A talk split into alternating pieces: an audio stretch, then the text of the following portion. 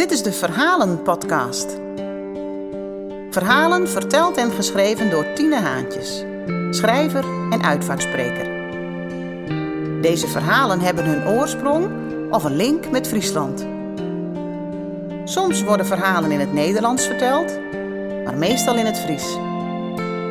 Deze verhalen mag je delen. En je zou mij enorm helpen om een review achter te laten.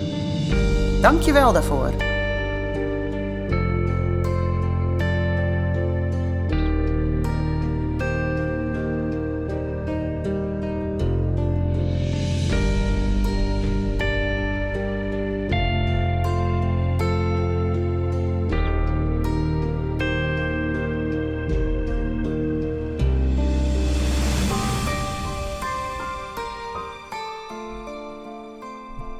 Het verhaal van Mieke Bruggeman Herman. Zij is 87 jaar geworden.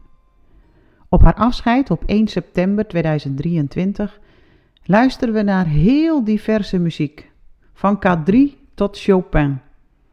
En het Vlielands volkslied, waar we allemaal wel even om moesten gniffelen. Mieke was gek op Vlieland. Na haar trouwen is ze er met haar man naartoe gevlucht onder het juk van beide ouders vandaan. Haar levensverhaal. Mieke Herman is op 3 maart 1936 geboren in Amsterdam. Ze kwam met een tangverlossing op de wereld. In goede gezondheid, maar helaas werd er iets geraakt waardoor ze een handicap aan haar handen had. Mieke was de middelste van vijf kinderen in het gezin Herman. Ze groeide op in Laren, in het gooi. Het was een gezin van goede orde, een welgesteld gezin. Ja, ze werd met een zilveren lepeltje opgevoed. En toch waren de ouders ook wel streng. Na de lagere school ging Mieke naar de meisjesschool in Bussum op de fiets. Later ging ze naar de kweekschool, ook in Bussum, want ze wilde kleuterjuf worden. Naast school kreeg ze ook pianoles en niet van de eerste de beste. Ze ging naar mevrouw van Hessen in Baren. Op haar negentiende was ze actief bij de zomerkampen op Ameland. Daar ontmoette ze Rorik Bruggeman. Hij deed een lerarenopleiding en hoorde ook bij de staf van het zomerkamp. Ze kregen verkering. Mieke maakte de kweekschool af en was een aantal jaren kleuterjuf. Ondertussen hadden Rorik en Mieke trouwplannen. En niet alleen trouwplannen, ze maakten in het geheim ook snode plannen om te verhuizen naar Vlieland. Op 30 september 1959 zijn ze getrouwd. De dag erna verbleven ze in Hotel Zeezicht in Harlingen. En op 2 oktober vertrokken ze naar Vlie. Gevlucht, onder het juk van beide ouders vandaan. Rorik werd leraar op de ULO op Vlieland ook dat was vooraf al geregeld. In afwachting van hun nieuwbouwwoning op Nieuwstraat woonden ze eerst een paar maanden in het Kwetternest in de Dorpstraat. In vijf jaar tijd werden er vier jongens geboren. Palle, Fritjof en Sven op het eiland. Na de geboorte van Sven verhuisden ze in de winter van 64-65 terug naar het vasteland, naar Oldenzaal. Dat was vanwege Rorik. Hij was het eiland met slechts 600 inwoners wel zat. Hij wilde zich graag verder ontwikkelen. Hij wilde zich blijven verbeteren in zijn functie, status en salaris. En die mogelijkheden zag hij niet op het eiland. Mieke vond het verschrikkelijk om haar geliefde eiland te verlaten. Ze stond huilend op de boot. Wel bleef er altijd het hazenduin de vakantiewoning van Opie en Omi Herman, waar ze graag terugkwamen en wat nog altijd in de familie is. Vlieland zat in haar hart en ze zou er nog vaak terugkomen. Hun vierde zoon, Erik, werd in Oldenzaal geboren.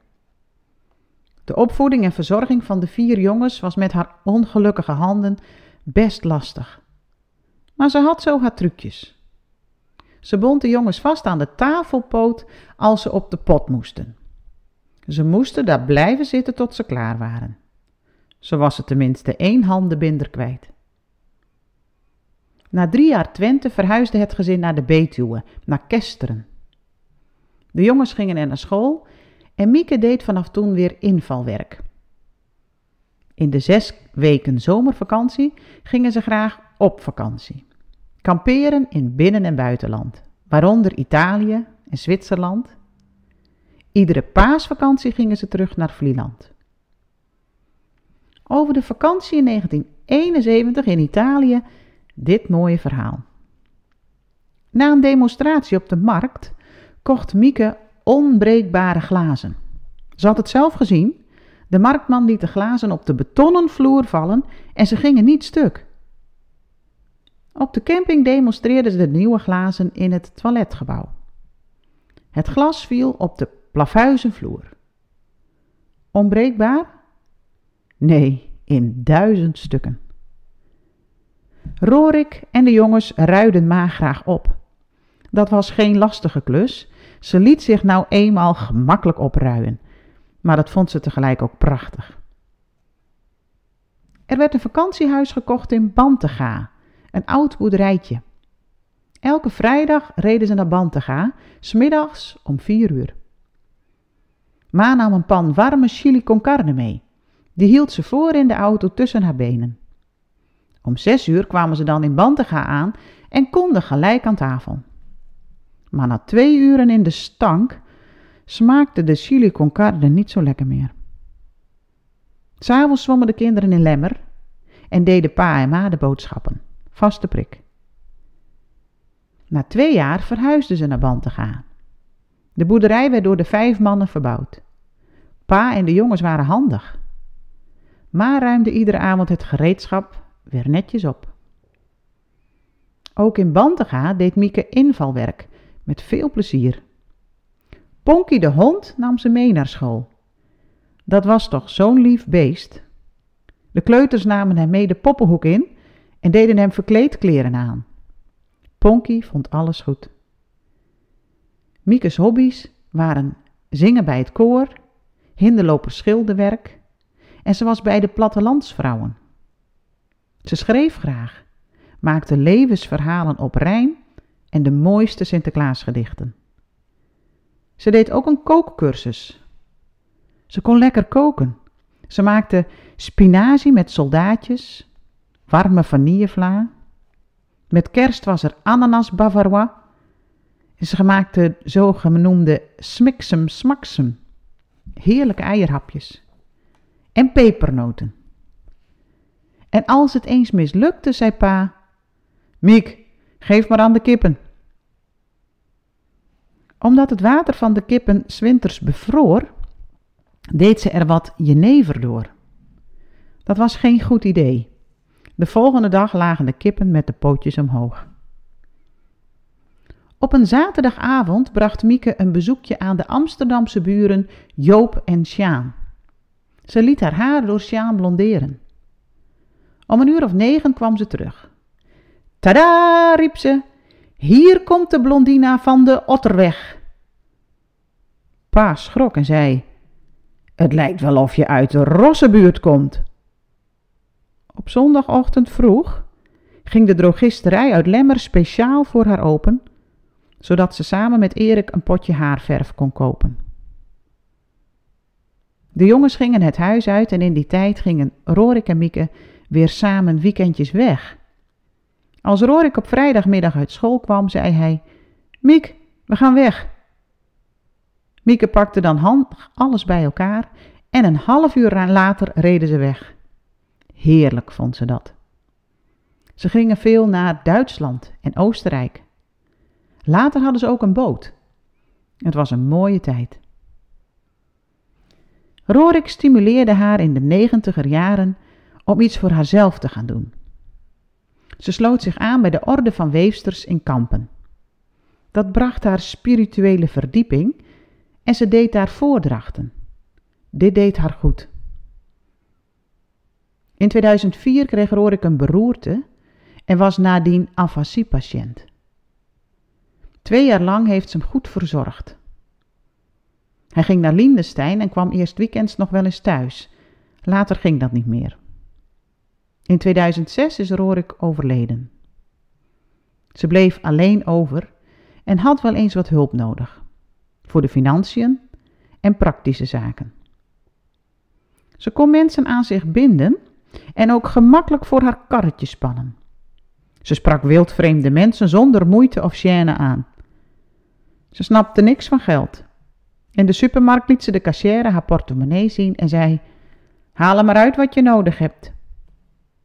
Tegelijk kon ze ook achterdochtig zijn en ze probeerde wel eens af te dingen. Ja, ik laat me toch niet belazeren, zei ze.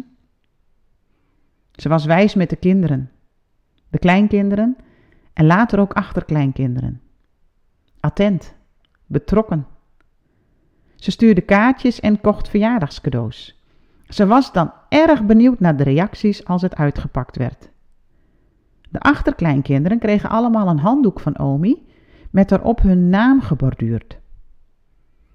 Enig minpuntje, Omi kon slecht luisteren. Ze liet mensen nooit uitpraten. Ze had nog kort een latrelatie met Gerben. Samen beleefden ze ook een paar mooie vakanties. Het was een prima tijd. Maar ook Gerben overleed. Kort na haar tachtigste verjaardag, wat ze in Beachclub Lemmer vierde, verhuisde ze naar de Petten in Echtenenbrug, naar een levensloopbestendige woning. Haar tekkel Sigrid verhuisde mee en de kat Blackie. In Echtenenbrug had ze nog voor de klas gestaan. Ze kwam er nog regelmatig oud-leerlingen tegen. Dat vond ze prachtig. Haar gezondheid ging achteruit, maar ze redde zich prima met haar scootmobiel. Daarmee maakte ze altijd flink vaart. Standje schildpad was niks voor haar.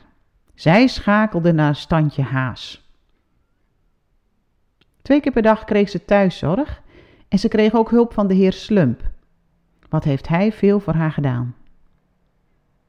Ze was nog altijd overal voorin. Als ze gebeld werd voor een uitje, stond ze binnen een half uur klaar. In 2019 kwam ze aan de zuurstof, 24 uur per dag. Ze kampte met COPD door de kinkhoest, wat ze als kind had opgelopen. Altijd was ze keihard voor zichzelf geweest en dat bleef ze. Afgelopen maart lag ze korte tijd in het ziekenhuis en verhuisde binnen een week naar Heremastaten in Heerenveen. Ze kreeg niet de kans om afscheid te nemen van haar huis. Dat was cru. Eerst was ze obstinaat. En dat werd wel duidelijk. Ze maakte van haar hart geen moordkuil. Dat had ze nog nooit gedaan. Ze genoot wel van de dieren, de geiten en kippen rond Heremastaten. En op haar balkon voerde ze duiven en eekhoorns. Ze maakte graag een ritje naar de snackbar op de hoek, samen met een van de kinderen voor een milkshake of een frikandelletje. Ze kreeg veel bezoek. Zij was daar degene met het meeste bezoek. Kleinzoon Jalmar kwam iedere middag langs. Hij lunchte bij Omi. Vijf maanden woonde ze in Heremastaten. Op zaterdag 26 augustus kwam er een eind aan haar leven. Ze sliep rustig in. Dierbare herinneringen laat ik achter, wat mijn heengaan wat verzacht. Tevreden loop ik naar het licht, daar waar mijn lief al op mij wacht, schreef ze. Mieke Bruggeman Herman is 87 jaar geworden.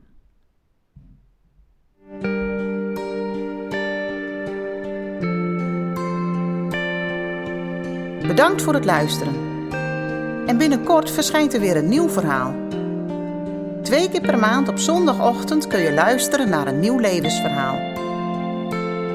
Wil je dit verhaal delen? Dat mag. Er is uiteraard toestemming voor gegeven. Wil jij een levensverhaal laten beschrijven? Van jezelf of dat van een naaste? Ga dan naar tinecommunicatie.nl slash levensverhalen. Daar vind je ook alle informatie om mij in te zetten als uitvaartspreker. Onsjen of tot horens.